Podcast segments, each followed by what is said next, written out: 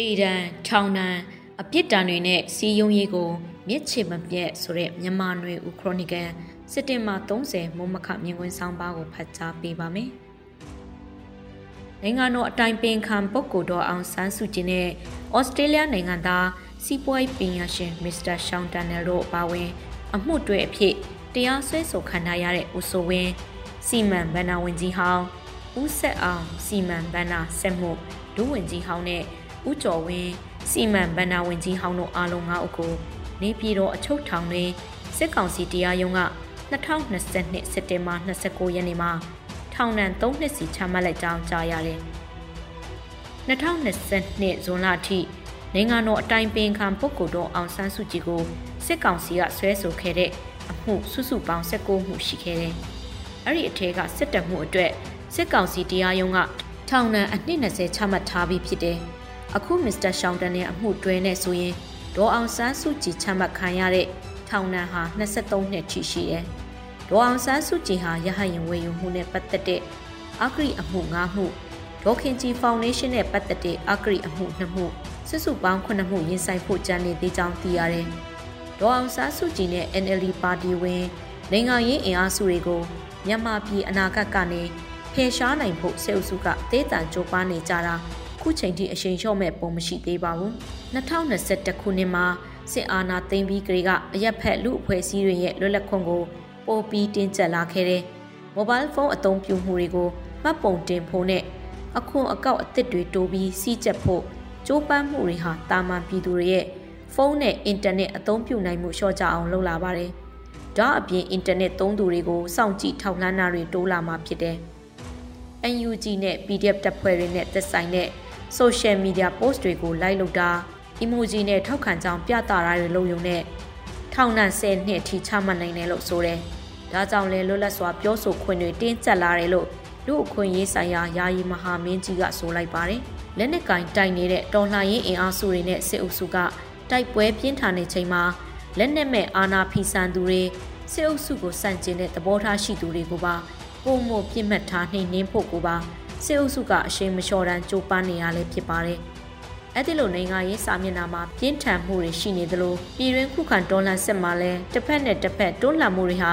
တဆင့်ထက်တဆင့်မြင်လာပါတယ်။ DVB သတင်းအရစစ်ကောင်စီကအစစ်မြင့် drone ပစ်လက်နက်တွေအသုံးပြုပြီးပစ်ချခဲ့တာကြောင့်ခင်ဦးမြို့နယ်မှာ PDF တွေရဲ့ drone 7စီးကာလတန်ဖိုးငွေကျပ်390နီးပါးပျက်စီးဆုံးရှုံးခဲ့တယ်လို့ခင်ဦးဒေသခံ drone တပ်ဖွဲ့တွေကစက်တင်ဘာ29ရက်မှာသတင်းထုတ်ပြန်ခဲ့ပါတယ်။ဩဂတ်စ်လဆန်းမှာ NUG က Project Dragonfly ကစတင်နေပြီလို့ကြေညာချက်ထွက်ပြီး Project Skywalk နဲ့ drone တပ်ကိုဖွဲ့စည်းတည်ထောင်နေပြီလို့ထုတ်ပြန်ခဲ့ပါတယ်။ဒါအပြင် Federal Wing ဆိုတဲ့ drone တပ်စင်ရဲ့တပ်စင်မှုတွေလှုပ်လာပြီလို့လည်းသတင်းတွေကဆိုပါတယ်။ local PDF တွေက NUG ကတာမကမိမိအစီအစဉ်တွေနဲ့ drone လက်နဲ့တပ်စင်မှုတွေလွန်ခဲ့တဲ့3လကလေးကတိုးမြင့်ခဲ့ကြပါတယ်။ စက်တင်ဘာလစမ်းပိုင်းကစပြီးစစ်ကောင်စီက drone ပစ်အစစ်မြစ်လက်နက်တွေကိုဝယ်ယူနေတယ်ဆိုတဲ့သတင်းတွေထွက်ပေါ်ခဲ့ပြီး drone တိုက်ခိုက်မှုတွေကိုကာကွယ်ဖို့အရေးကြီးတဲ့နေရာတွေမှာ anti drone gun တွေတပ်ဆင်နေပြီလို့စစ်ကောင်စီဇော်မင်းထွန်းကစက်တင်ဘာ20ရက်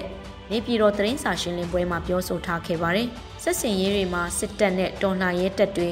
စိတ်သက်စစ်စင်ရေးအရအပြန်လှန်ကျုံးဝါကြတာတွေကျိမ်းမောင်းကြတာမျိုးတွေရှိပြီး အဲ့ဒီကနေလက်တုံပြန်အပြောတင်သားမကလက်တွေမှာလဲကြိုတင်သတင်းတွေကနေစိတ်ရေးအသာစီးယူဖို့စ조사ကြတာကိုတွေ့နိုင်ပါတယ်။လက်နက်တွေအများပြားထိထွင်ထုတ်လုပ်တက်ဆင်နိုင်နေပြီလို့တော်လှန်ရေးတပ်ဖွဲ့တွေကထုတ်ပြန်နေကြတာတွေ့နိုင်သလိုစစ်တပ်ကိုယ်တိုင်ကလည်းပြည်ပကနေဆက်လက်နက်တွေတိုးချဲ့ဝယ်ယူတက်ဆင်နေတာမြင်ကြရပါတယ်။စစ်တပ်ကသူ့စစ်သားတွေကိုလက်မရွက်လူသက်ငရဲသားတွေလိုဖြစ်အောင်လက်နက်စုံတက်ဆင်ပြီးလူထုကြားတဲ့ ခွေးယူမောင်းချမဲမဲမြင်လိုက်ကြိုက်အောင်လုပ်နေတာဖြစ်ပါတယ်။ဒါကြောင့်ဒီနေရာမှာအလှငွေရန်ပုံငွေတိုးမြင့်ရရှိရေးနဲ့ဆက်လက်နဲ့တိုးမြင့်တက်ဆင်ရေးကိုအဆက်မပြတ်လုပ်နေရင်းတွေကလက်တွေ့မြေပြင်မှာတော်လှန်ရေးရဲဘော်တွေနဲ့ထပ်တူစစ်ပေးတံခါးစည်းခံနေရတဲ့လက်နက်မဲ့ပြည်သူတွေ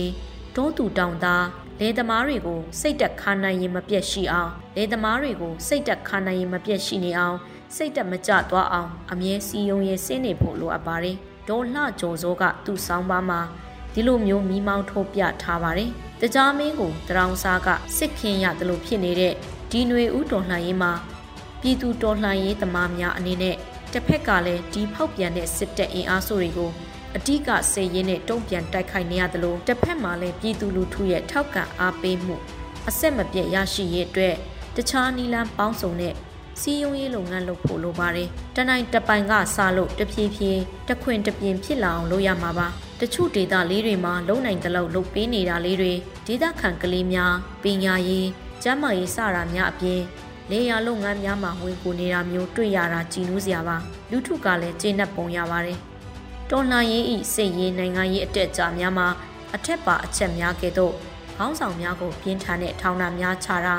ပြည်သူတွေကိုပါရက်ဆက်သောပြစ်ဒဏ်များပေးပြီးနင်းချေတာတွေအစမတန်သောလက်နက်အင်အားနဲ့ပြည်သူတွေအားလုံးကိုညီလန့်ချေမုန်းတာတွေနဲ့တုံ့လှန်သောပြည်သူများ၏စိတ်ဓာတ်များခွန်အားများကြဆင်းရှုံးနေအောင်စစ်အာဏာရှင်တွေကစ조사လှုပ်ဆောင်နေကြမှာဖြစ်ပါတယ်။မိမိတို့ဘက်ကလည်းပြည်သူတွေ၏ စိတ်တက်ခွန်အားများမကြဆင်းမပေ့ပါသွားအောင်စီယုံရေးလုပ်ငန်းတွေကိုငွေရှာအလှခံတာတွေအပြင်လူထုကြားထဲမှာတသားတီရက်တီလှုပ်ဆောင်နေဖို့လည်းလိုအပ်ပါတယ်။ဒီလိုစိတ်တက်မျိုးနဲ့ပြည်သူတွေဟာတော်လှန်ရေးအောင်မြင်သည့်အထိအပင်ပန်းအစင်ရဲခံပြီးအငတ်ခံအသေးခံပြီးလက်နက်ကင် PDF တွေကိုထောက်ပံ့ကူညီအားပေးပြီးချီတက်နေကြတာကိုခုချိန်မှာမြင်တွေ့နေရတာဖြစ်ပါတယ်။ဖက်စစ်စစ်တပ်အမြင့်ပြည့်ရေးဟာ သူတို့အတွက်လောကနိဗ္ဗာန်ဖြစ်ပါတယ်ရှင်။